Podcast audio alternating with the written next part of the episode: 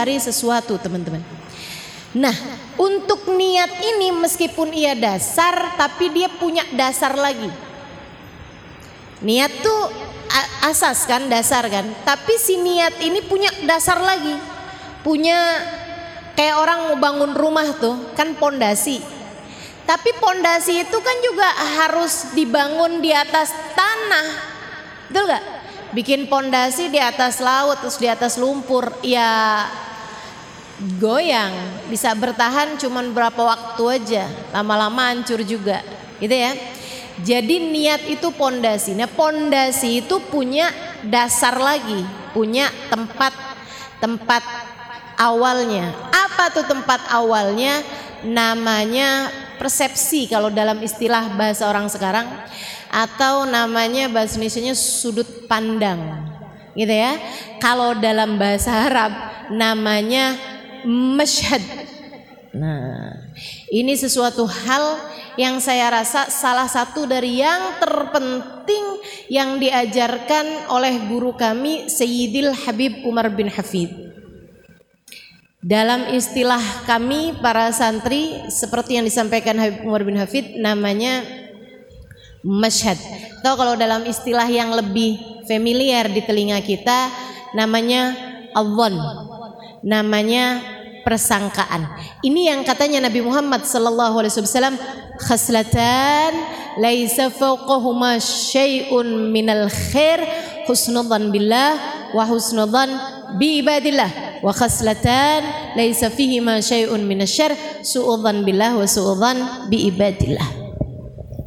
Kata Nabi Muhammad dua perkara. Enggak ada lagi nggak ada lagi kebaikan lebih baik daripada dua perkara ini. Apa tuh Rasul? Dua sifat kata Nabi. Nggak ada lagi kebaikan lebih baik daripada dua sifat ini. Nggak ada sifat lebih baik daripada dua sifat ini. Yaitu baik persangkaan kepada Allah yang pertama, yang kedua baik persangkaan kepada hambanya Allah. Nah, Nabi sebut lagi khaslatan laisa fawqahuma syai'un minasyarr dua sifat nggak ada sifat lebih buruk lagi daripada itu. Apa tuh Rasul? Suudzan billah suudzan bi ibadillah. Buruk persangkaan kepada Allah buruk persangkaan kepada Rasulullah. Itu. Jadi teman-teman saya sekalian hal paling mendasar dalam hidup kita adalah niat. Tapi si niat itu juga punya dasar lagi gitu. Orang bisa punya niat baik kalau punya hal ini nih. Orang punya niat jelek kalau dia punya ini juga. Apa itu? Persepsi. Cara pandang. Gitu ya. Dunun, persangkaan-persangkaan. Makanya teman-teman saya sekalian, hati-hati terhadap persangkaanmu. Hati-hati terhadap cara pandangmu. Hati-hati terhadap persepsimu. Tahu kalau saya boleh gampangin bahasanya, hati-hati terhadap sudut pandang maksudnya adalah hati-hati dalam hidupmu terhadap fokusmu. Kamu mau fokusnya ke mana? Karena hidup ini dengan segala macam permasalahannya itu seperti mata uang selalu punya dua sisi positif negatif. Nah, kamu maunya fokusnya kepada yang mana? Gitu. Itu tuh akan melahirkan niat. Niat melahirkan tindakan. Tindakan melahirkan perbuatan. Perbuatan melahirkan kebiasaan. Kebiasaan melahirkan karakter dalam hidupmu. Menjadikan hidupmu ini hidup yang kayak gimana gitu. Semuanya tuh bermula dari niat teman-teman saya sekalian. Kalau teman-teman lihat Halimah Alidrus punya karakter. Apa karakter saya? Ustazah. Kan begitu? Halo?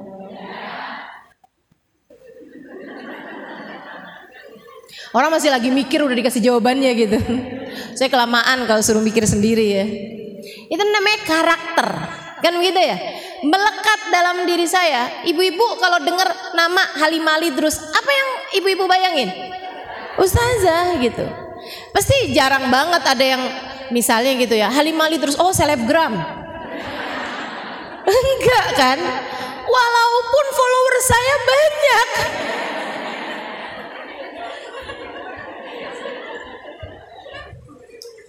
Walaupun follower saya di Instagram banyak, tapi nggak ada orang nyebut saya sebagai seorang selebgram. Nggak ada gitu. Orang tuh udah erat kaitannya Halimali terus ustazah gitu. Nggak ada orang nyebut saya kayak misalnya gitu ya. Halimali terus oh youtuber. Walaupun YouTube saya sampai sempat dihack gitu ya. Kalau nggak karena aktif di uh, YouTube kan nggak sampai ada yang ngehack kan, gitu ya. Teman-teman sih sekalian, tapi nggak ada gitu orang nyebut saya sebagai youtuber gitu. Orang nyebutnya Halimah Lidrus adalah ustazah. Itu namanya karakter. Nah, kenapa saya jadi ustazah? Karakter itu terbentuk kenapa? Karena adanya kebiasaan. Apa kebiasaan saya? Mengajar. Iya kan? Kalau kebiasaan saya nyapu, orang nggak akan sebut saya sebagai seorang selebgram, sebagai seorang ustazah gitu. Kalau kebiasaan saya adalah memasak, misalnya gitu ya, saya bukan ustazah akan tetapi seorang koki. Bukan artinya saya nggak pernah masak. Bukan artinya saya nggak pernah nyapu. Gitu ya. Akan tetapi itu semua tidak menjadi sesuatu hal yang kebiasaan yang saya lakukan. Kan begitu? Gitu ya. Karena saya punya kebiasaan mengajar, saya punya karakter ustazah. Kan begitu? Nih, ujungnya nih karakter ustazah. Nah, sebelum jadi sebuah karakter itu jadi kebiasaan dulu mengajar. Dari zaman kapan ustazah mengajar? Itu tadi tuh. Di Asofa aja 2003. Kurang lama apa saya? Ngajarnya. Dan itu bukan kali pertama saya ngajar di tempatnya Ustazah Fatimah Segaf nih, teman-teman yang waktu itu belum jadi ustazah. gitu ya. Itu bukan kali pertama saya mengajar. Kapan kali pertama saya mengajar? Sebelum itu. Kapan? Tahun awal kali saya diminta mengajar itu justru oleh seorang perempuan yang saya rasa paling banyak mengubah hidup saya. Hubabah Nur bintil Habib Muhammad bin Abdullah Al-Haddar. Tahun 2000 doang.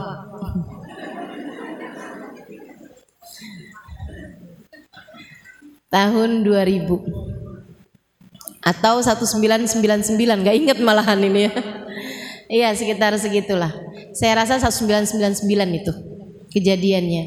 Ya, saya ingat banget jadiannya. Sama kayak halnya Kak Emma ingat saat saya pertama kali diminta untuk mengisi kajian di rumahnya gitu ya. Itu teman-teman saya sekalian mohon maaf saya sih lupa. Saya lupa. Tapi kan setiap orang itu punya momen-momen tersendiri yang dia tidak akan pernah melupakan. Gitu kan ya? Teman-teman juga mungkin ingat pertama kali ketemu saya. Saya lupa Enggak semua saya ingat pertama kali ketemu. Ustazah ketemu saya pertama kali kapan? Maaf ya. Lupa. Nah sekarang aja belum tentu ingat. Mudah-mudahan ingat semua ya. Ibu-ibu sekalian saya muliakan, saya ingat banget awal kali saya diminta mengajar. Itu pada tahun ya itulah 1999 akhir saya rasa ya. Ya saya berangkat ke Tarim itu tahun 1998. Usia saya waktu itu 19 tahun. Saya diajak oleh abang saya, belum ada Darul Zahra. Belum ada Darul Zahra. Dan saya belum kenal Habib Umar bin Hafid, Hubab Nur belum kenal sama semuanya. Abang saya ajakin saya gitu ya untuk nemenin dia pergi ke Tarim karena dia males mondok. Dia bilang dia nggak mau mondok, dia mau pergi ke Tarim tapi nggak mau mondok. Jadi dia mau tinggalnya di luar. Nah biar dia boleh tinggalnya di luar itu dia harus punya alasan buat jagain adeknya, adek perempuannya, gitu ya. Sebab kalau yang dia ajak adik laki-lakinya, ya kenapa nggak dua-duanya mondok aja, gitu kan? Jadi dia bawa adiknya ini yang perempuan ini. Saya tanyain, kenapa saya mesti ke sana? Saya itu lagi seneng-senengnya mondok. Waktu itu, saya udah mondok 8 tahun di Darul Lughawat Dakwah, hampir lima tahun, kemudian di Al Anwar, Sarang Rembang, tiga tahun. Sebelumnya lagi ada sempat belajar setengah tahun di uh, atau Hidiyah Tegal Jawa Tengah ya. Nah, itu jadi saya udah mondok tuh udah lama gitu, udah 8 tahunan seneng belajar. Ya, seneng belajar. Itu tadi tuh. Itu tuh ya. Namanya itu karakter, teman-teman saya sekalian, yang terbangun karena kebiasaan. Nah, kebiasaan ini tadi terbangun karena awal mulanya adalah tindakan, tindakan memutuskan diri untuk pesantren. Gitu kan? Kemudian selama di pesantren saya punya kebiasaan belajar dan saya seneng sama kebiasaan tersebut. Lagi seneng-senengnya mondok di pondok pesantren, abang saya ajakin, udah memang mau lulusan itu ya. Dan saya juga nggak punya rencana mau pindah ke pondok mana atau mau ngapain gitu. Abang saya ajakin saya untuk belajar ke Tarim. Saya bilang di Tarim ada apa bang? Iya sih di Tarim tuh emang gak ada pondok perempuan. Lah terus saya mau ngapain di sana? Saya nggak tahu juga ada apaan ya di sana ya gitu. Tapi kan kamu nanti bisa saya iniin, bisa saya rekamin kajian-kajian gitu ya. Dia bilang nanti kamu bisa dengerin gitu. Hmm, tapi kayak nggak menjanjikan gitu ya. Saya jadi di Tarim tuh ngapain ya? Kamu bisa cuciin baju saya, masakin saya itu kayak agak jadi TKW bukan kayak nggak menjanjikan gitu dia bilang udah kamu bawa aja kitab-kitab kamu jadi nanti kamu bisa pelajarin di sana lah kalau mau buat pelajarin aja kenapa jauh-jauh ke sana ya tapi terus dia ada satu kata yang membuat saya jadi oke okay, saya mau gitu nemenin dia ke Tarim. Dia waktu itu bilang Tarim itu kotanya Fakihil Muqaddam Muhammad bin Ali wa Alawi. Dan saya dari sejak kecil itu abah saya kalau habis selesai baca ratib haddad ada selalu beliau tambahin dengan doa ya Rabbana ya sirlana umurona bijahi Sayyidina Muhammad bin Ali wa Alawi gitu Teman-teman juga mungkin ya banyak sering dengar doa itu terutama kalau abahnya suka baca ratib gitu bapaknya atau suka hadir acara-acara pembacaan ratib. Ya Rabbana yasir lana umurona bijahi Sayyidina Muhammad bin Ali Ba'alawi. Akhirnya saya putuskan oke okay, saya rasa kayaknya saya udah deket gitu sama Sayyidina Muhammad bin Ali Ba'alawi ya. Jadi akhirnya saya putuskan untuk baiklah bismillah yuk kita berangkat. Berangkat di sana, beneran ternyata belum ada pondok pesantren perempuan gitu ya, yang ada baru madrasah. Madrasah Daruz Zahra. Tapi waktu awal saya ke sana itu ada dua orang yang tinggal di dalam madrasah tersebut. Karena dia tinggal tempatnya jauh, ada dua orang Arab tinggal di sana. Dan jadi saya itu kalau boleh dibilang tinggal pertama di Daruz Zahra itu perempuan ketiga. Perempuan ketiga yang tinggal di Daruz Zahra ya. Dan juga perempuan pertama yang dari Asia yang tinggal di pondok pesantren Daruz Zahra. Bukan yang datang ke Tarim untuk belajar. Kalau yang datang ke Tarim untuk belajar Ustazah Amirah duluan dari saya. Ustazah Amirah tuh di Tarim sebelum ada Daruz Zahra tuh Makanya beliau tidak belajar di Daruz Zahra uh, pondok pesantren tapi belajar di madrasah Daruz Zahra dan banyak tinggal bersama dengan guru kita, guru kami yaitu Hubabah Nur. Ya. Makanya luar biasa tuh langsung sama Hubabah Nur, Ustazah Amirah itu. Teman-teman sih sekalian, saya pun mulai tuh sering datang datang ke Daruz Zahra gitu ya. Nggak ngerti pertamanya. Orang Arab itu ngomongnya, orang Arab Tarim ngomong bahasa Arabnya ini banget tuh. Aneh gitu. Bahasa Arabnya banyak diubah-ubah. Mungkin karena dia di uh, pelosok juga ya, Arabnya bagian dalam gitu. Jadi ada lahjahnya gitu. Kalau kayak di Indonesia nih kayak kayak orang Madura gitu atau kayak orang mana gitu yang bahasa Indonesianya pun dirubah-rubah gitu kan. Logatnya apa semuanya jadi berubah gitu ya. Kayak orang Betawi deh. Orang Betawi kan bahasa Indonesianya juga Uh, uh, orang bule gitu ya yang masih belajar bahasa Indonesia aku kamu bingung dengerin orang Betawi ngomong kok nggak ada aku kamunya? Nggak ada sama sekali gitu ya kita ya kalau ngomong orang Betawi Betawi sini. Gitu jadi mereka tuh aneh banget gitu. Bahkan bahasa isyarat aja beda loh orang Tarim itu. Masya Allah. Mereka tuh kalau bilang iya gini. Kalau bilang enggak ya ampun aneh banget gak sih Masya Allah. Teman-teman sih sekalian, habis setahun saya tinggal di Tarim, saya udah kayak setengah tahun belajar di Tarim, saya udah mulain bisa ngobrol sama orang-orang uh, Arab sana ya. Padahal waktu itu saya udah mulain, saya udah ketika berangkat itu saya udah bisa baca kitab gundul. Karena saya mondok 8 tahun di Indonesia, saya udah bisa baca kitab gundul dari sejak sebelum berangkat ke Tarim. Tapi di Tarim tuh saya belajar bahasanya dari awal lagi, belajar bahasa Arab percakapan ya, bersama dengan mereka tuh dari awal lagi gitu. Dengerin kajian juga kayak dari awal lagi, kayak dari nol bener-bener nggak ngerti gitu. Teman-teman sih sekalian, sampai terus dapat sebulan, mulai ada banyak kata-kata yang bisa saya pelajari gitu. Mulain lagi dua bulan, tiga bulan, empat bulan, lima bulan.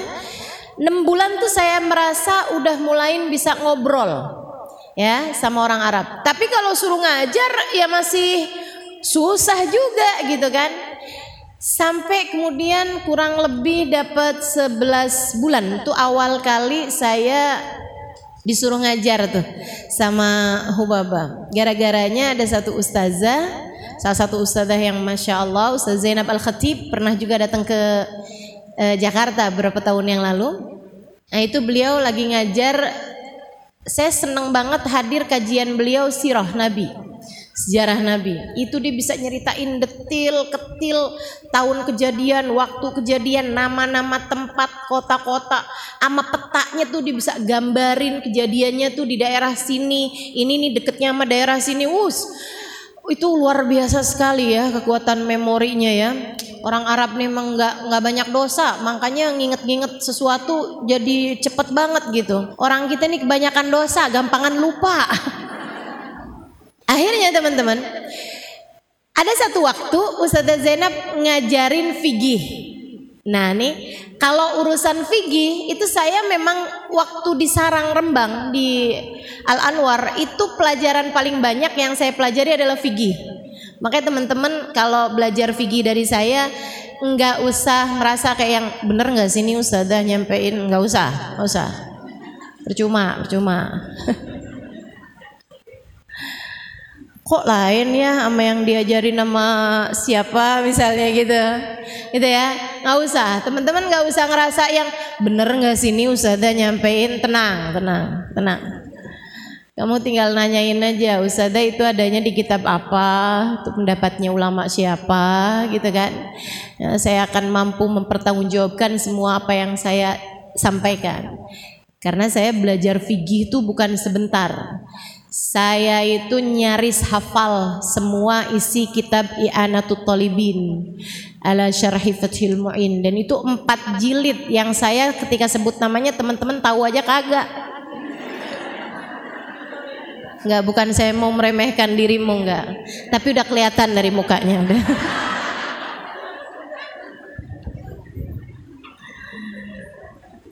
Jadi orang kalau belajar fikih itu di pondok-pondok pesantren itu ada tingkatan-tingkatannya, ya. Biasanya tingkatan yang paling tinggi itu kitab namanya Fathul Mu'in. Nah, kitab Fathul Mu'in tuh kitabnya sekian nih tebelnya. Sekitar satu setengah senti lah. ya kitabnya, ketebalannya. Itu tuh kalau udah kayak hafal isi kitab itu tuh lulus. Udah. Nah, kitab Fathul Mu'in itu ada kitab syarahnya. Kitab syarah tuh kitab yang menerangkan maksud dari kitab Fathul Mu'in dan juga penjabaran-penjabaran pendapatnya ulama dan lain sebagainya mengenai hukum tersebut gitu. Nama kitabnya I'anatut Talibin, empat jilid segede-gede gini nih. Jadi kalau kamu bawa tuh segini. Eh itu saya hafal isi kitab I'anatut Talibin waktu itu, zaman itu. Umur saya 19 tahun. Jadi nggak usah khawatir teman-teman. Kalau saya menyampaikan hukum kepadamu, saya akan mampu mempertanggungjawabkan semuanya. Kenapa Ustazah bisa hampir hafal semua isi kitab Yanatul Tolibin pada waktu itu? Karena saya senang belajar. Ya, senang belajar. Saya bukan orang yang rajin belajar. Saya hanya orang yang jatuh cinta pada ilmu. Saya senang belajar. Dan itu modal banget sih. Jadi kalau kamu punya anak gitu ya, apa hal yang harus kamu tanamkan kepada anak-anak kamu adalah rasa senang belajar. Rasa senang belajar, menjadikan belajar itu sesuatu yang menyenangkan gitu buat mereka.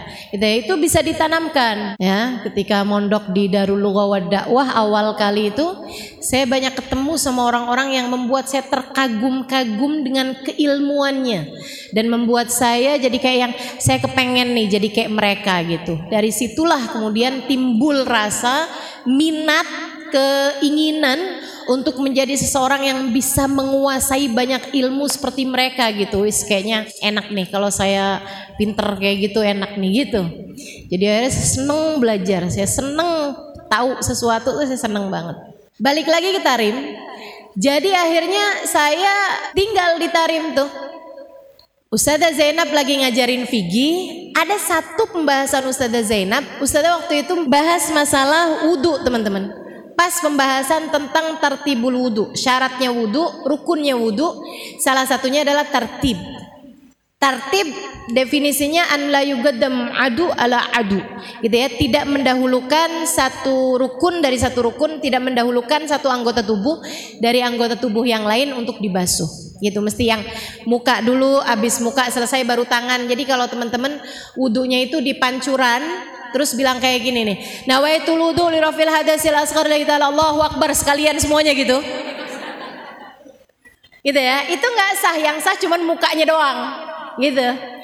Nah, habis selesai kajian, itu Ustazah Zainab ditanyain tentang orang yang nyelam, tentang orang berenang. Kalau orang nyelam gitu kan, niat nih pas lagi nyelam pertama tuh nawaitul wudhu lillahi taala gitu. Nyelam doang tuh set gitu. Habis itu terus berdiri lagi gitu kan. Maksudnya habis itu terus mentas gitu. Dari air gitu. Itu berarti wudhunya sah nggak Ustazah gitu. Ustazah Zainab bilang nggak sah, yang sah cuman mukanya doang. Habis muka terus tangan. Gitu. Saya dengernya nggak gitu. Jadi saya pulang, saya bukain tuh kitab-kitab yang saya punya. Dari Anatul Tolibin, ada lagi Bayjuri.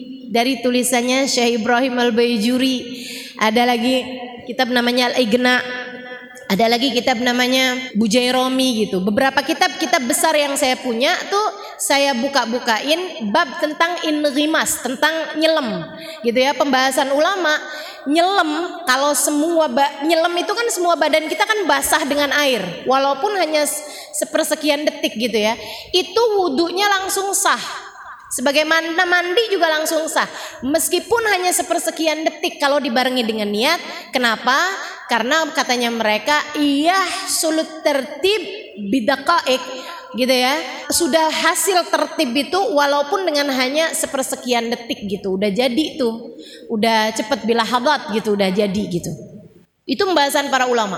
Saya tulis semuanya tuh. Saya tulis pendapatnya para ulama di kitab ini gimana pendapatnya para jadi semua pendapat-pendapat ulama tuh saya tulis jadi saya satu makalah mengenai hukum in rimas hukumnya menyelam tadi itu ya dalam hal keabsahannya wudhu Besokannya saya kasih lah itu.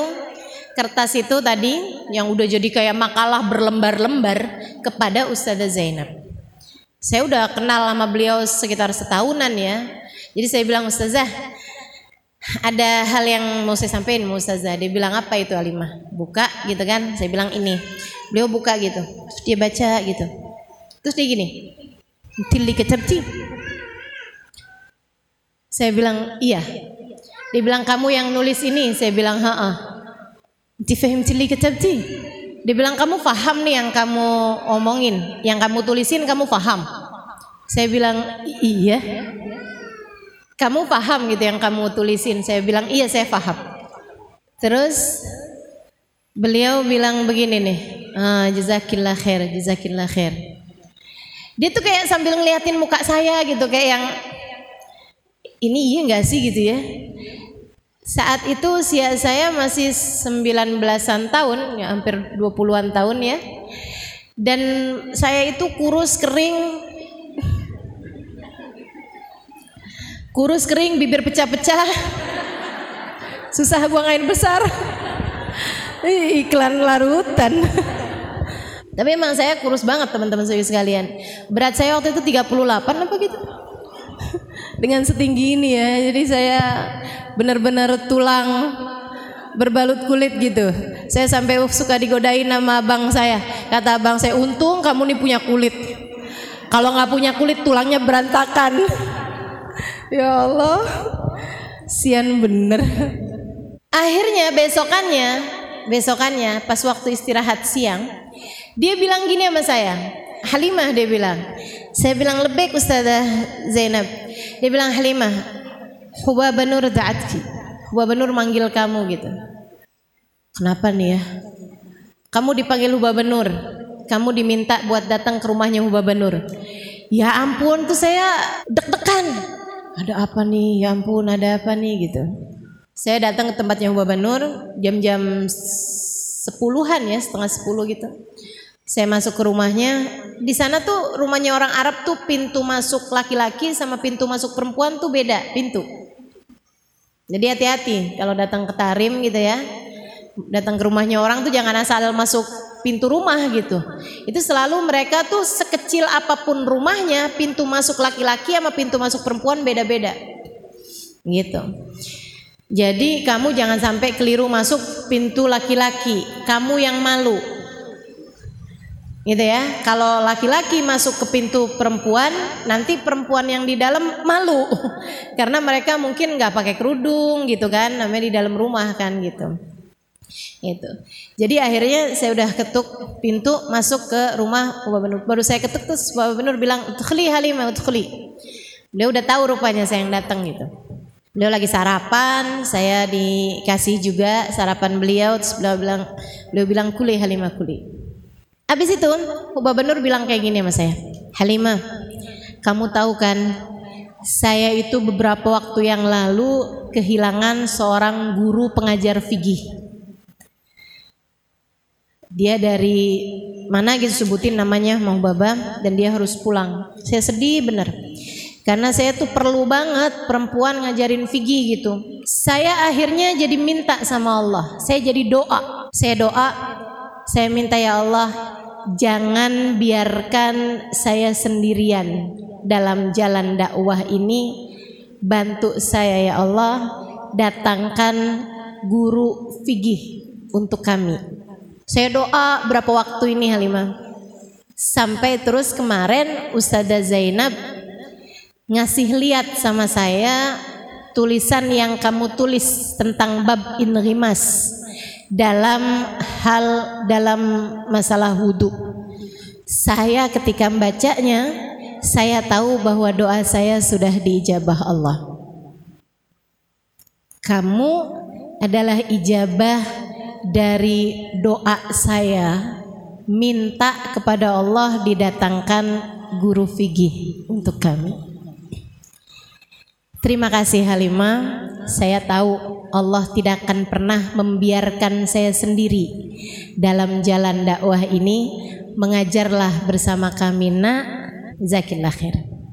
Saya saat itu rasanya ngerasa kayak yang ya Allah Ucapan beliau tuh sampai sekarang saya nggak lupa gitu Kamu adalah ijabah doa saya Saya tahu Allah tidak akan pernah membiarkan saya sendiri Allah hadirkan kamu untuk kami agar kamu bisa bersama dengan kami membantu dakwah ini.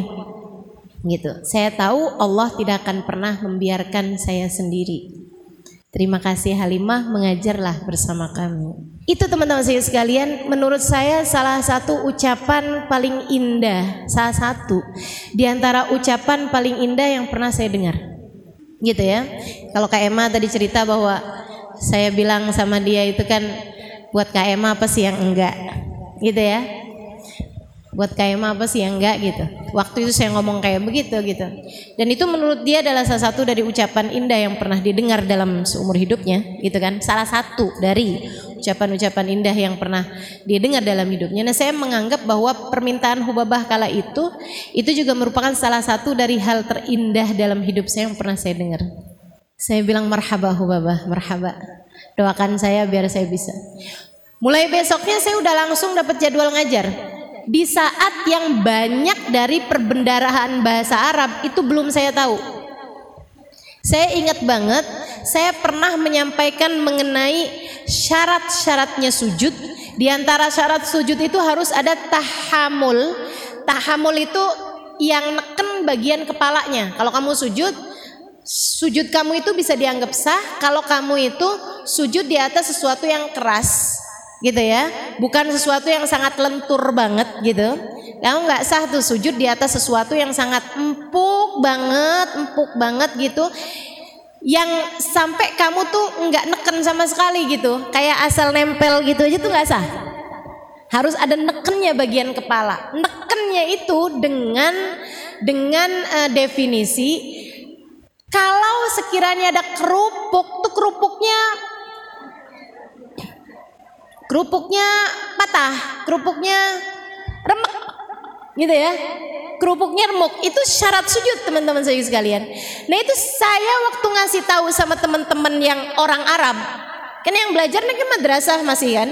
Ada orang-orang Indonesia, ada orang-orang mana juga yang pada berdatangan, ada orang Barat juga yang pada mulai berdatangan eh, tahun itu. Tapi mayoritasnya orang-orang Arab. Nah, dan saya mengajarnya dalam bahasa Arab gitu kan. Saya nggak tahu bahasa Arabnya kerupuk. Saya bilang kalau ada sesuatu di tempat sujud kamu itu kalau kamu teken dia pecah. Nah apa gitu kan? Apa ya? Uh, zujaj katanya anak-anak ini jadi main terka, main tebakan. Kaca, oh, enggak nggak sampai kaca. Ya ampun serem banget kalau syaratnya sujud harus mecahin kaca. Nggak sampai kaca saya bilang. Apa ya? Makanan Makanan apa ya dibilang kayak gitu? Makanan yang kalau kamu makan Terus dibilang ah kerupuk. Ya ampun, gampang banget bahasanya.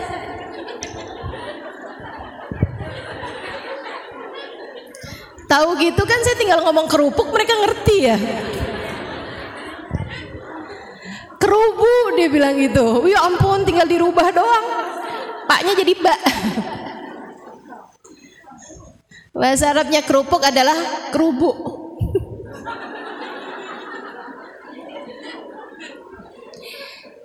Saya pun mengajar mulai tahun itu 1999 sampai dengan sekarang tahun 2022. Berapa tahun tuh? Berapa tahun sih itu? 23 tahun. Saya udah ngajar 23 tahun. Masya Allah, Masya Allah. Kurang lama apa? Dari umur saya 20 tahun sampai umur saya sekarang 43 tahun. Teman-teman saya sekalian.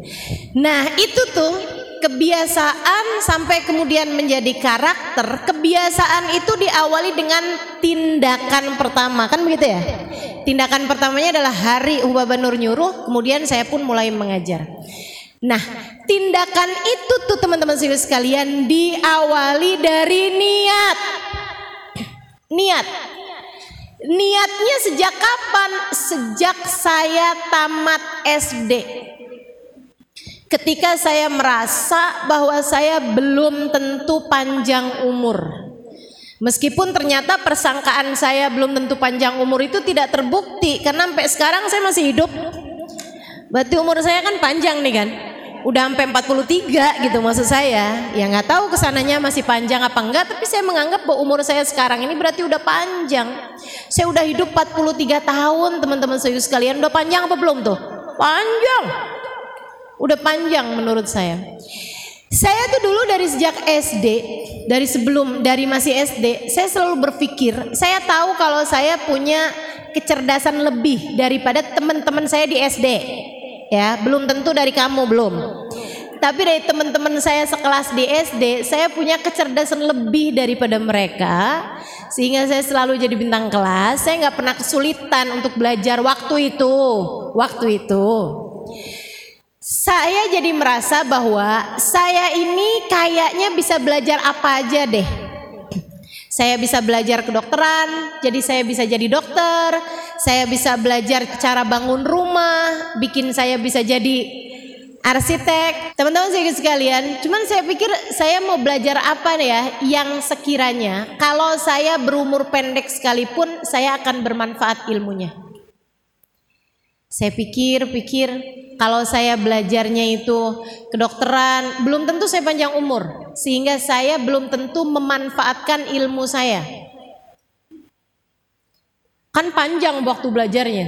Dan pula kalau saya ternyata mati sebelum jadi dokter, ilmunya jadi sia-sia. Saya pengen belajar sesuatu yang andai pun saya umurnya pendek, dalam kubur tuh saya nggak nyesel. Yang nggak lain nggak bukan, saya harus belajar ilmu agama dengan ilmu agama membuat saya jadi tahu menjalani kehidupan tuh mesti kayak gimana. Jadinya nanti di dalam alam kubur saya saya nggak nyesel. Gitu maksud saya. Ya kan? Karena kan malaikat mungkar nakir nggak mungkin nanyain saya resep obat. Dokter Halimah, kalau kami nih para malaikat sakit kepala resepnya apa ya? Nggak mungkin kan? Nggak mungkin gitu loh. Nggak mungkin malaikat mungkar nakir akan diminta. Coba silahkan gambarkan desainnya surga nih. Kami lagi kebingungan mau bangun surga dengan desain seperti apa. Nggak mungkin. Jadinya yang saya pikir ya udah dah saya mau belajar ilmu yang di kuburan pun saya akan ditanya mengenai itu. Yaitu ilmu agama. Ya kan begitu kan? Ilmu agama gitu. Tuhan kamu siapa dan itu kan bukan dijawab pakai lisan akan tetapi pakai hati. Ini saya kepengen gimana caranya biar Tuhan saya tuh meresap ada dalam hati saya seumur hidup saya. Kalau ditanya-tanya apa kitabmu gitu ya, apa imammu, apa petunjukmu dalam kehidupan, saya akan bisa menjawab Al-Quran imami. Al-Quran adalah imamku. Al-Quran adalah petunjuk dalam kehidupanku dan saya ngerti isinya Al-Quran. Jadi saya harus belajar ilmu agama. Itu sejak hari itu saya punya niat teman-teman saudariku sekalian Sampai kemudian lahirlah tindakan berupa saya belajar di pondok pesantren, kemudian terus belajar di pondok pesantren, terus belajar di pondok pesantren. Niat saya selamat di akhirat, bermanfaat ilmu saya buat banyak orang. Gitu. Sampai dengan saya mulai mengajar, sampai kemudian menjadi kebiasaan mengajar tersebut, sampai kemudian menjadi karakter seperti yang teman-teman tahu sekarang ini. Jadi kalau teman-teman sekarang nih mau ngerasa, wah saya nih dalam hidup nih kayaknya nih karakternya salah nih. Apa sih sebenarnya karakter yang kita harus bangun? Ya selain daripada saya seorang ustazah, mungkin yang lain kamu sebagai seorang apa, kamu seorang apa? Apa sebenarnya karakter wajib yang harus kita punya, teman-teman saya sekalian? Ini saya kasih tahu kita ini di atas muka bumi ini punya sebuah karakter yang harus kita punya. Semua dari kita ini mesti punya. Karakter apa itu? Karakter Abdullah. Karakter hamba Allah. Ya. Karakter ibadallah. Karakter hamba Allah satu yang kedua karakter umat Rasulullah, umatnya Nabi besar Muhammad. karakter yang terbangun di atas kalimat la ilaha illallah Muhammad Rasulullah. Karakter la ilaha illallah Allah Tuhan kita dan itu karakternya Allah, karakternya kita, kita hambanya Allah. Karakter Muhammad Rasulullah adalah Nabi Muhammad Nabi kita dan kita adalah umatnya Nabi Muhammad. Kan begitu teman-teman saya sekalian. Siapa pun dirimu, siapa pun diriku, siapa pun kita sekalian, nih karakter kita adalah la ilaha illallah Muhammad Rasulullah menjadikan kita hamba Allah umat Rasulullah. Itu dia karakter kita. Nah, untuk karakter itu harus ada kebiasaan yang dibangun menunjukkan kamu adalah hambanya Allah. Kebiasaan. Kebiasaannya apa? Kebiasaannya yang Allah bilang, "Wa ma khalaqtul jinna wal insa illa liya'budun." Tidaklah aku ciptakan jin dan manusia selain untuk ibadah kepadaku selain untuk menghamba padaku. Jadinya karakter kamu sebagai hambanya Allah dibangun di atas kebiasaan yaitu ibadah. Ibadah pada Allah Subhanahu wa taala. Ibadah itu apa? Salat. Oh iya, betul. Sedekah. Iya. Apalagi? Baca Quran, iya, oke. Apa lagi? Hadir majelis, ibadah apa bukan nih? Ibadah. Saya mengajar ibadah apa bukan? Ibadah. Kemudian lagi nutup aurat. Ibu-ibu pakai bajunya ibadah apa bukan ibadah? Ibadah karena menutup aurat. Begitu kan ya? Puasa ibadah, gitu kan ya? Di saat kamu lagi puasa, makan sahur, ibadah bukan? Makan buka ibadah bukan? Ibadah. Di saat kamu lagi nggak puasa karena kamu sedang menstruasi. Saat kamu lagi nggak puasa karena kamu adalah seorang istri yang suamimu sedang ada di kota, tinggal bersama dengan kamu, itu memang istri nggak sunnah buat sering-sering ibadah sunnah, ibadah puasa sunnah ya. Karena kan setiap kali ibadah puasa sunnah takut mengurangi hak suami dari dirimu gitu. Nah, kamu ketika enggak lagi puasa karena Allah, karena kamu melaksanakan perintah Allah untuk uh, suamimu dan karena kamu memang sedang dalam keadaan menstruasi misalnya, berarti kamu enggak puasa ibadah apa bukan? Ibadah. Berarti kamu makan ibadah apa bukan? Ibadah. Ketika kamu mau pergi majelis taklim, kamu naik mobil, ya kan ya? mobilmu ini kemudian kehabisan bensin, kamu isi bensin. Ibadah apa bukan? Kenapa bisa ibadah? Karena kamu ngisi bensinnya mau pergi ke majelis. Nah, kamu dapat duitnya itu gitu kan ya. Yang untuk kemudian kamu pakai buat ibadah entah dari suami kamu entah dari kamu bekerja misalnya begitu ya. Berarti tuh kamu bekerjanya tersebut entah kamu jualan online entah kamu jadi penjahit misalnya gitu ya. Entah kamu dengan menjadi istri yang soleha karena kalau saya nggak soleha nih nanti nggak dikasih duit bensin buat pergi ngaji nih Berarti kamu ketika menjalankan tugas-tugas kamu yang untuk mendatangkan kehidupan duniawi, ibadah apa bukan ibadah? Ibadah. Dari situ kita tahu teman-teman saudara sekalian, kalau kamu niat hidupmu ini untuk ibadah kepada Allah dan kamu dalam hari-harimu itu menjalankan karakter sebagai hamba Allah dengan memiliki kebiasaan-kebiasaan yang Allah Subhanahu wa taala ridho kamu melakukannya, maka semua yang kamu lakukan dalam hari-harimu itu bernilai ibadah yang perlu kamu tegaskan terus-terusan dalam hidup kamu, dalam hari kamu adalah satu benerin niat, dua jauhin maksiat. Itu melahirkan kebiasaan yang bagus. Dua hal tersebut teman-teman sekalian. Melahirkan kebiasaan yang bagus itu dengan dua hal tersebut itu. Yang pertama jauhin dosa, yang pertama benerin niat, yang kedua jauhin maksiat, jauhin dosa gitu ya. Dua hal itu kalau kamu kerjain terus-terusan gitu. Semua yang kamu kerjain tuh bisa jadi taat. Semua yang kamu kerjain bisa jadi ibadah dan itu enaknya jadi hambanya Allah. Kamu jangan kirain di hari akhirat nanti yang bakalan menuhin timbangan amal pahalamu tuh cuman sholat, sedekah gitu ya. Hadir majelis ilmu, puasa, baca Quran gitu. Enggak, salah teman-teman saya sekalian.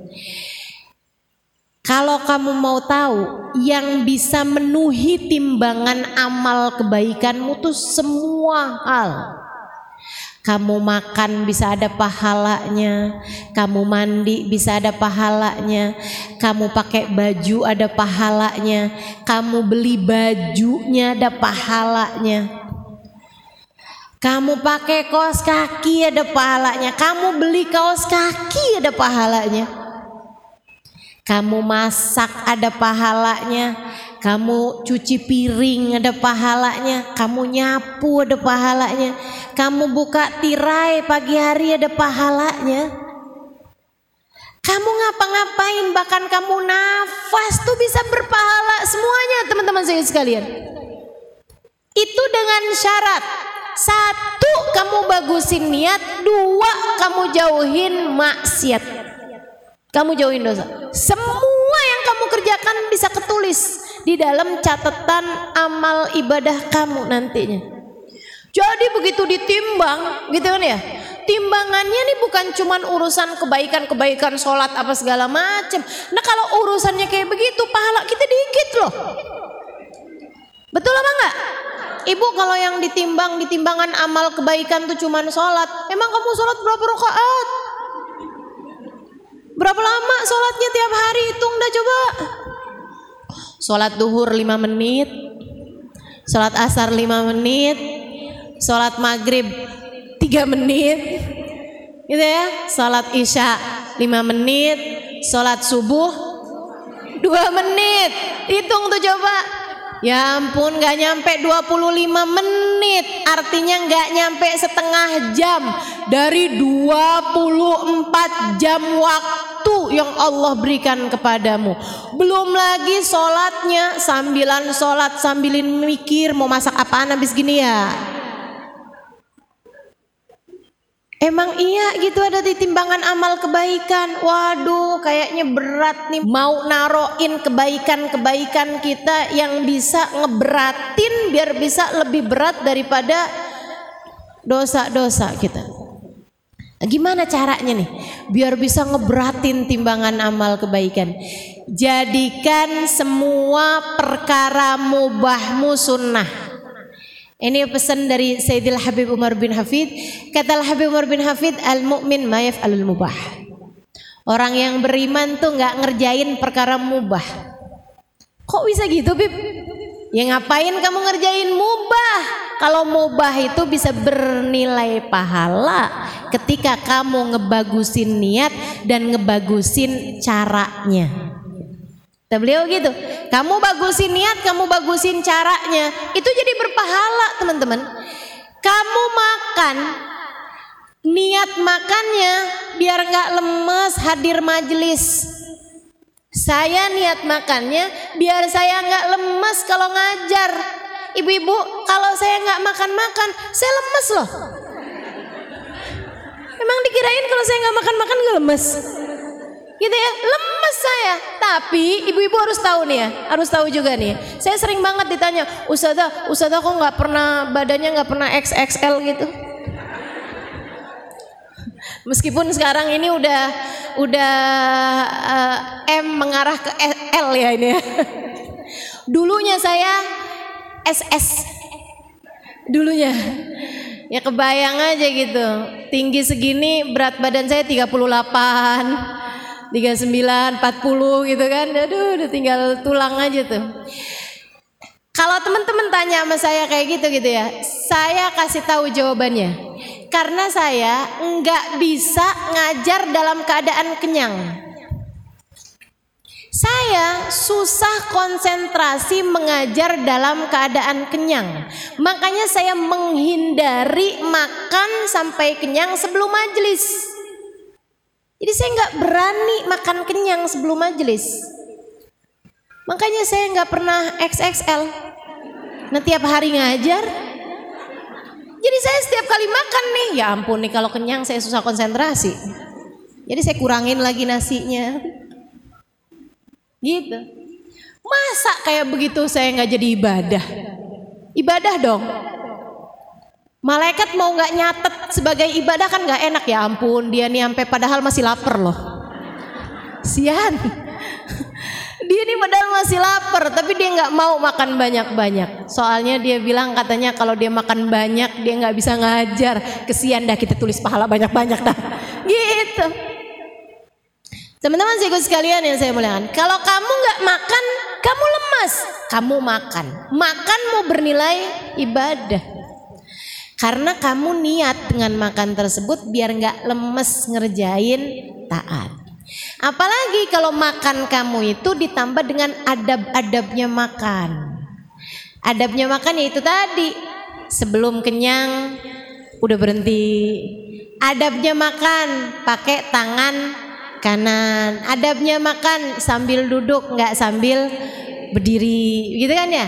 Adabnya makan diawali dengan Bismillah, diakhiri dengan hamdalah, dikunyah dengan baik makanannya, kan gitu ya? Kemudian kan kita juga makannya nih, ngindarin yang nggak jelas nggak jelas kehalalannya. Mau kelihatan seenak apa pun, kalau ternyata itu adalah BABI, kita nggak akan mau sentuh, betul apa enggak? Wih, kelihatannya enak banget ya ampun. Wih, enak banget nih. Ini daging apaan nih? Sapi? Bukan, Mbak. Apaan ya? Tapi ini babinya babi halal, Mbak. Kenapa kok bisa halal? Disunat. Babinya disunat. Masya Allah. Teman-teman saya sekalian yang saya muliakan, jadi kan kita udah menghindari dosa. Kita buat makan nih nggak ngambil yang bukan hak kita. Kita kerja dengan cara yang halal untuk mendatangkan uang untuk kita beli makanan tersebut. Bukan hasil korupsi, bukan hasil nilang, bukan hasil ngambit duit di saku suami. Kita dapetin makanan tersebut dengan uang halal. Kita beli pakai uang halal makanannya. Makanannya halal. Kita makannya dengan adab-adab yang disunahkan oleh Nabi Muhammad. Niat makannya biar enggak lemes untuk mengerjakan ibadah kepada Allah. Pahala teman-teman. Kamu makan berpahala dan dosa-dosa berguguran dari tubuhmu itu makanannya jadi sumber energi kebaikan. Makanya kalau kamu bilang saya kok berat banget ya mau mengerjakan mau mengerjakan kebaikan gitu, kamu liatin makananmu tuh mungkin ada yang haram. Apanya yang haram ya? Mungkin bukan makanannya haram, tapi dapatnya dari hasil yang haram. Hati-hati, teman-teman. Coba liatin aja di sekeliling. Yang pada korupsi, yang pada jadi uh, apa namanya uh, pejabat tapi yang dolim sama rakyat. Gitu ya. Atau yang jadi mohon maaf yang jadi polisi tapi suka nilang orang. Gitu kan ya? Bu bukan apa masalahnya. Ada nggak orang yang ditilang ikhlas? Jarang loh. Betul apa enggak alhamdulillah kena tilang ya Allah seneng banget saya mau ngasih polisi. Ada yang begitu? Gak ada, gak pernah lihat saya. Mesti orang tuh kalau udah ketemu ketemu ini kan polisi kan, astagfirullah, astagfirullah, kok deg-degan ya rasanya ya. Apakah ini yang dinamakan jatuh cinta? Masya Allah. Nggak ada yang ikhlas tuh kalaupun juga ngeluarin duit ya ampun nggak ada yang ikhlas. Apalagi ditambah dengan hadis ar-rashi wal murtashi finnar yang nyuap dan yang disuap masuk neraka serem banget. Serem banget. Jadi teman-teman saya sekalian yang saya muliakan, kalau uangnya itu hasilnya halal, insya Allah semuanya bakal gampang ngerjain ketaatan. Makanya kalau kamu mau benerin hidup kamu tuh, salah satu dari yang harus kamu benerin biar taat yang dikerjakan adalah penghasilannya juga mesti halal. Teman-teman saya sekalian, liatin aja di sekeliling kamu. Kalau ada orang berpenghasilannya haram, apalagi pakai judi, apalagi pakai pinjol, pinjaman online tuh. Kamu pikir nggak haram? Ini mana dia nih yang suka pinjol nih? Ya ampun, buka YouTube sekarang iklannya pinjaman online semua. Astagfirullah, astagfirullah. Riba, teman-teman. Dan riba itu dosa satu dari dua dosa yang Allah ancam dalam Al-Quran. Kalau kamu nggak berhenti, aku perangi, kata Allah. Nih, jangan main-main sama urusan riba. Ayo nih, mana dia nih, mak-maknya nih. Yang suka kredit panci. Yang suka hutang-hutang online nih pinjaman-pinjaman online atau pinjaman-pinjaman berbunga. Pinjam uang di bank, pinjam uang yang dijanjikan inian ya, apa sih namanya? Bunga gitu. Teman-teman saya sekalian tuh haram tuh dan jangan main-main teman-teman saya sekalian. Haramnya bukan dosa kecil tuh dosanya gede. Sampai katanya para ulama salah satu dari dosa-dosa tertinggi yang bisa dipastikan pelakunya matinya tidak husnul khotimah. Dalam Al-Quran, saya baca nih di Quran nih. Oh, saya baca Quran dan insya Allah banyak yang ngerti artinya. Saya baca, baca, baca, baca Quran. Di dalam Quran hanya ada dua dosa loh. Yang disebutkan sama Allah, kalau kamu nggak berhenti, aku perangi kamu kata Allah. Fa'ilam tentahu fa'danu biharbin minallahi ta'ala wa rasulih. Kalau kamu nggak berhenti, aku ajak kamu perang. Orang diperangin sama Allah tuh gimana ceritanya bisa menang? Orang diperangin sama Allah tuh ancur seancur-ancurnya hidupnya teman-teman. Dosa apa itu Ustazah? Yang pertama dosa ngebunuh Nabi. Yang namanya orang tuh dosa paling gede ngebunuh Nabi. Udah kebayang kayak apa dosanya. Nabi diutus sama Allah malah dibunuh sama dia. Orang yang ngebunuh Nabi Soleh. Orang yang ngebunuh Nabi Dawud. Orang yang ngebunuh Nabi Zakaria. Orang yang ngebunuh Nabi-nabinya Allah Subhanahu wa taala, nabi dibunuh sama mereka. Itu teman-teman dosanya. Waduh, udah nggak kebayang deh udah. Nggak kebayang. Dosa paling gede yang pernah ada di atas muka bumi ini ngebunuh nabi. Kan begitu? Nah Allah bilang selain ngebunuh nabi ada satu dosa lagi. Yang Allah bilang kamu nggak berhenti aku perangi kata Allah. Apa itu? Riba. Allah tuh habisnya bilang mengenai dosanya riba Allah bilang fa illam tantahu fa'dhanu biharbin minallahi ta'ala wa rasulih.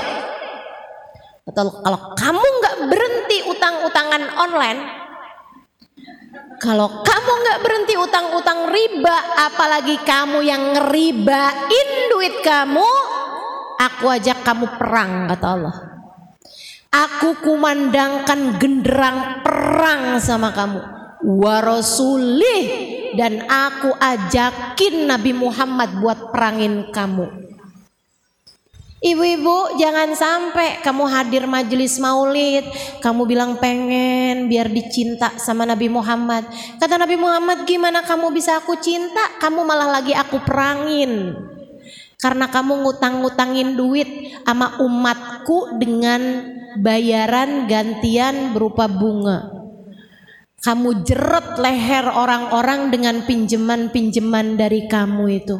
Aku ajak perang sama kamu, gak usah nyari cintaku kata Nabi. Aku perangin kamu selama ini. Gimana ceritanya? Jangan bilang, ya ampun saya tahajud, saya ibadah, saya ini, saya itu. Tapi kalau kamu masih ngerjain dosa satu ini teman-teman, percuma, percuma, percuma. Makanya saya beneran marah nih kalau saya terus-terusin nih. Dah buruan. Kalau masih ada yang tersangkut urusan pinjaman online atau urusan pinjaman-pinjaman offline ya Pokoknya hutang piutang dengan riba. Mau kamu yang berhutang apalagi kamu yang menghutangi segeralah bertaubat kepada Allah Subhanahu wa taala. Tinggalin cepetan, cepetan, buruan, buruan. Sebelum kamu jadi kebiasaan, sebelum jadi karakter. Si fulana, siapa dia? Oh, tukang renten itu. Ah, tuh sebelum jadi gitu. Sebelum jadi karakter. Buruan, segera taubat sama Allah SWT sebelum datang ajal menjemput kamu. Udah teman-teman, nggak usah pakai habisnya ustazah kalau saya nggak pinjem pinjeman kayak begitu tuh ustazah. Saya nggak punya apa-apa Udah mendingan gak punya apa-apa. Bu, jangan pernah lupa apa yang sering saya sampaikan sama ibu-ibu. Sesedikit apa pun yang kamu punya cukup untuk membiayai hidupmu. Tapi sebanyak apa pun yang kamu punya gak akan pernah cukup untuk membiayai gaya hidupmu. Mau punya berapa banyaknya nggak bakalan cukup bu. Kalau yang kamu biayai adalah gaya hidup. Makanya kalau mau hidupnya tenang jangan kebanyakan gaya. Dah nggak usah kebanyakan gaya. Ya ampun.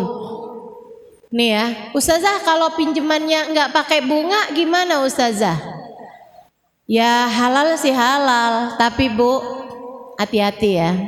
Jangan sampai kamu punya kebiasaan berhutang, apalagi kalau sampai alhamdulillah dia kayaknya lupa dah. Alhamdulillah kayaknya dia lupa tuh. Yaudah aja dah.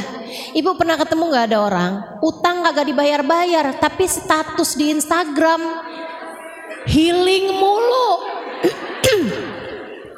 Statusnya tinggal healing di pantai. Gitu kan ya? Healing di gunung. Healing mulu bu, giliran ditagi utang hilang. Ada tuh yang modelannya kayak gitu. Ada apa nggak? Mana orangnya? Mau lihat saya nih orang yang mana nih? Masya Allah nggak hadir ya. Dah nggak pakai deh, nggak pakai, nggak pakai. Yang punya utang buruan bayar, buruan bayarin, buruin bayaran, buruan bayarin. Jangan berani mati bawa utang bu, Nabi aja nggak mau nyolatin, Nabi aja nggak mau nyolatin. Sahabat kalau mati tuh, Nabi pertanyaannya satu, punya utang apa enggak? Oh dibilang nggak punya Rasul, ya udah deh saya sholatin, gitu.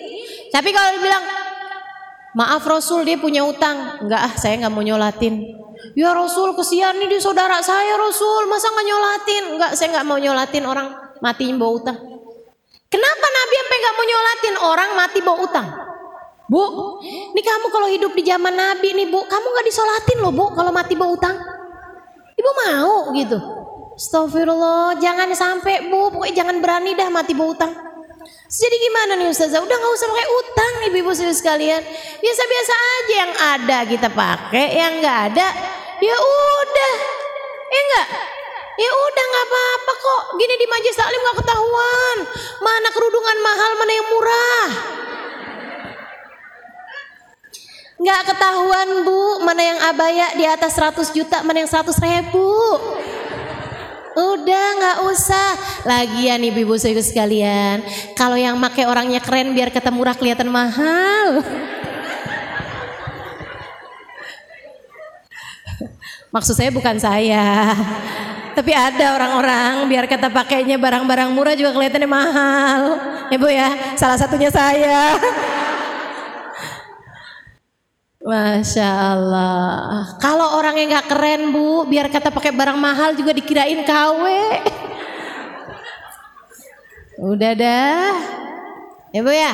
Nggak usah kamu jadikan penampilanmu, tampilanmu sebagai nilai hidup kamu. Enggak di situ nilai hidupmu. Nilai hidupmu ada para karakter kamu sebagai hambanya Allah, sebagai umatnya Rasulullah. Jadi teman-teman saya sekalian, Habib Umar bin Hafid bilang, orang mukmin nggak ngerjain barang mubah. Ingat-ingatin saya, orang mukmin nggak ngerjain barang mubah apatah lagi makruh, apatah lagi haram. Mubah aja enggak kok kita. Gitu.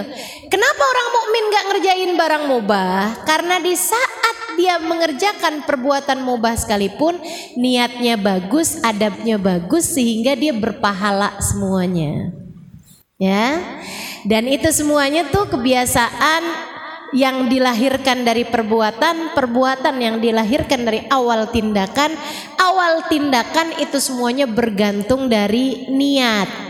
Nah, si niat ini nih berdasar dari perspeksi, berdasar dari masyhad, berdasar dari sudut pandang.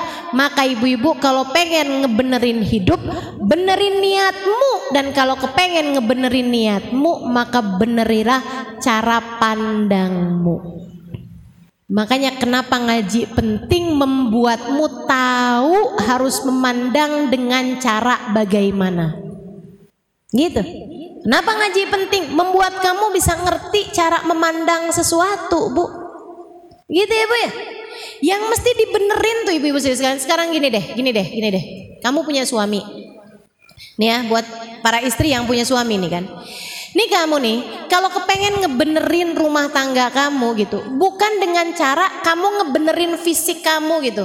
Oh saya kepengen ngebenerin rumah tangga nih, biar suami nggak ke mana-mana. Jadi saya harus berpenampilan dengan tampilan yang bagus. Karena hidung saya ini belum mancung, saya sepertinya perlu buat nambahin. Iya, buat nambahin apaan di hidung jadi biar agak sedikit lebih mancung. Filler sana filler sini tarik benang uh, sulam alis sulam bibir kemudian tanam tanam bulu mata gitu ya. Pulang-pulang keluar dari salon jangankan orang lain. Suaminya sampai nggak kenal.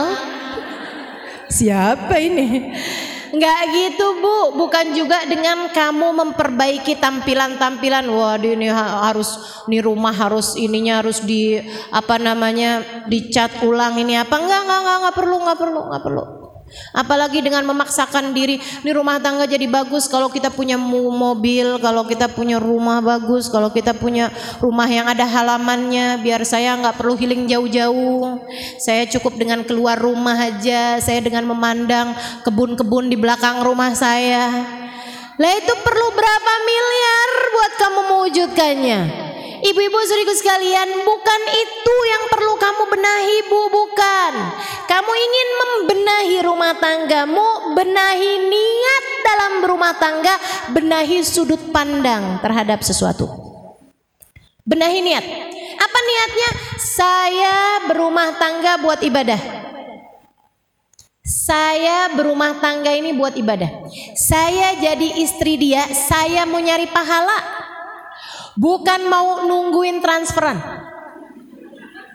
Saya jadi istri dia ini bukan untuk dicintai dengan sepenuh hatinya, bukan. Akan tetapi untuk biar saya diridhoi sama Allah Subhanahu wa taala pemilik dia. Pemilik suami saya. Nih Bu, kalau kamu udah nyari Allah, Allah bakalan bikin hati hamba-hamba terpaut padamu. Itu kamu gak usah khawatir. Itu kamu gak usah itu. Kamu dapetin Allahnya, Allah bakalan kasih semuanya. Anak-anak soleh soleha, suami cinta sama kamu, saudara sayang sama kamu. Kalau kamu dapat ridha Allah subhanahu wa taala, gak usah khawatir itu. Jadi kamu nyari Allahnya, itu niat kamu. Apa-apaan nyari ridha Allah, nyari ridha Allah, nyari ridha Allah. Jangankan dalam perlakuan kamu kepada suami kamu yang besar-besar, bahkan sekedar kamu senyum sama suami, kamu nanyain apa kabar dia, kamu pijitin kakinya, bukan karena biar kamu dikasih transferan lebih banyak.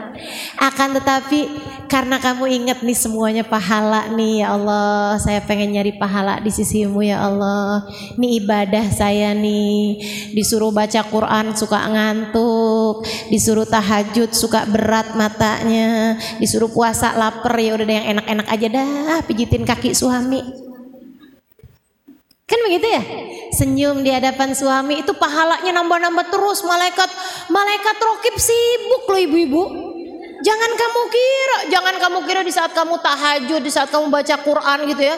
Saat itu aja malaikat tuh kemudian sibuk. Belum tentu nyatet pahala sholat kamu tuh semuanya kecatet. Apalagi sholat kamu masih gelambiar pikirannya ke mana-mana. Tapi di saat kamu suami kamu lagi datang, kemudian kamu senyumin, apa kabar, gimana tadi di luar. Kok kamu senyum-senyum gitu sih seneng jadi bini abang. Sehat-sehat ya bang ya, ya ampun bang, mudah-mudahan abang panjang umur. Bang, abang tahu nggak bang, saya mau ngomong bang. Apaan kata suaminya, bang? Abang gak sih bang? Apaan sih kamu mau ngomong apa sih? Abisnya saya pikir-pikir ya bang ya.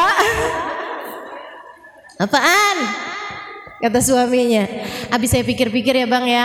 Abang tuh hadiah Allah paling bagus dalam hidup saya bang.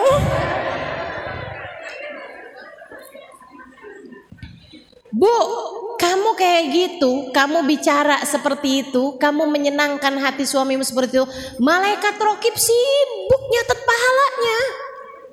Jangan dikira enggak, wih banyak banget itu tuh pahalanya.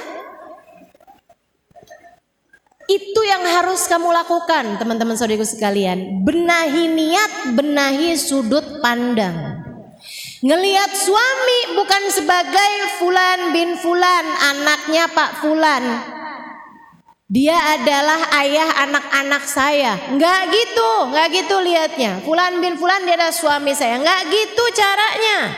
Akan tetapi dia adalah fulan bin fulan hambanya Allah, umat Rasulullah yang Allah jadikan jalan surga saya dengan saya menyenangkan hatinya. Allah jadikan jalan ridho Allah buat saya adalah dengan keridoan dia terhadap saya. Makanya kamu lihatnya udah deh tuh surga.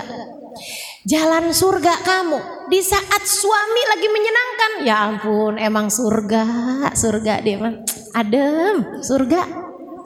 Di saat dia lagi nyebelin surga emang berat surga berat Hufatil jannah bil makarih gitu kan Surga dikelilingi dengan perkara yang tidak menyenangkan Kata Nabi Muhammad gitu Nih dia emang bener Kata Nabi itu bener dah pokoknya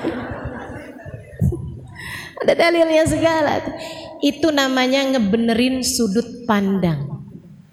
Dalam segala macam hal, kamu ngelihat anak-anak kamu, jangan sebagai fulan bin fulan anak saya. Fulan bin fulan anak suami saya. Gitu ya? Bukan, bukan kayak begitu, Bu. Ini anak saya nih, dia harus melanjutkan kehidupan saya. Saya dulu mau jadi ustadzah nggak bisa, sekarang dia harus jadi ustadzah. Waduh. Saya dulu mau jadi pramugari kalah tinggi. Ah sekarang nih dia harus jadi pramugari. Waduh. Saya dulu mau jadi dokter tapi nggak bagus nilainya. Kurang pinter saya jadi nggak diterima. Anak saya harus jadi dokter. Apa maksudmu? Kamu kok segitunya merasa berkepemilikan? Nggak gitu. Nanti yang beneran punya marah kepadamu. Kok ngaku-ngaku sih kamu? Siapa yang beneran punya anak kita? Allah. Anak kita punyanya Allah. Anak kita punyanya Allah. Sama suami kita punyanya Allah. Jangan sok-sok ngaku-ngaku. Anak kamu punyanya Allah bu. Katanya Allah aku tidak menjadikannya milikmu. Ia bukan aku beri kepadamu. Ia adalah amanat yang harus kamu jaga Dan kamu harus mengembalikannya kepadaku. Makanya tugas orang tua adalah mengenalkan Allah dan Rasulnya kepada anak-anaknya mengenalkan kasih sayang Allah dan Rasulnya lewat kasih sayang orang tua tersebut kepada anak-anaknya. Itu tugas orang tua. Ini namanya ngebenerin sudut pandang, teman-teman. Ini namanya ngebenerin dhon, ngebenerin persangkaan kamu harus sesuai dengan kenyataan. Dia itu siapa? Kan begitu ya? Anak kamu nih siapa? Nah ini kan kalau kamu bilang, ini anak saya, punya saya, lahir dari rahim saya. Oke, lahir dari rahim kamu benar, tapi punya kamu, tunggu dulu, benar apa enggak? Emang kamu ikutan bikin hidungnya? Oh hidung kamu aja pesek, hidung dia mancung. Kamu nggak ikut-ikutan, bikin hidungnya, bikin mulutnya, apalagi nentuin garis nasibnya, nggak ada. Kamu nggak ikut-ikutan. Berarti bukan punya saya, punya siapa? Punyanya Allah yang nyiptain dia. Ini namanya ngebenerin zon, ngebenerin persangkaan. Persangkaanmu harus sesuai dengan kenyataan. Sehingga kamu bisa selalu husnudzon kepada Allah dan kemudian kamu jadinya husnudzon kepada hamba-hambanya Allah. Kalau kamu bagus persangkaannya ngelihat semua orang nih hambanya Allah. Saya jadinya husnudzon terus. Saya nih kalau ngelihat teman-teman ini kan semua hambanya Allah. Saya jadinya husnudzon terus. Ada ngelihat orang yang semangat belajarnya, masya Allah, ya Allah, nih calon-calon orang-orang soleha. Masya Allah solehah solehahnya hamba-hambamu ya Allah. Saya udah ngomong lebih dari sejam nih. Masih pada dengerin. Masya Allah solehah solehah. Allah subhanahu Bagus persangkaan saya. Kenapa? Karena saya punya husnudon kepada Allah. Bahkan saya ngeliat di pojokan ngantuk. Masya Allah. Begitu tenangnya hatinya. Orang kalau nggak tenang nggak ngantuk bu. Betul apa enggak? Amanatan nu'asan kata Allah yang syataifatum minhum. Makanya saya nggak pernah nggak pernah sakit hati kalau ada yang tidur. Masya Allah begitu tenang hatinya. Berarti majelis saya nih ditulurin ketenangan dari Allah swt sampai bikin dia ngantuk di pojokan. Masya Allah, Masya Allah luar biasa.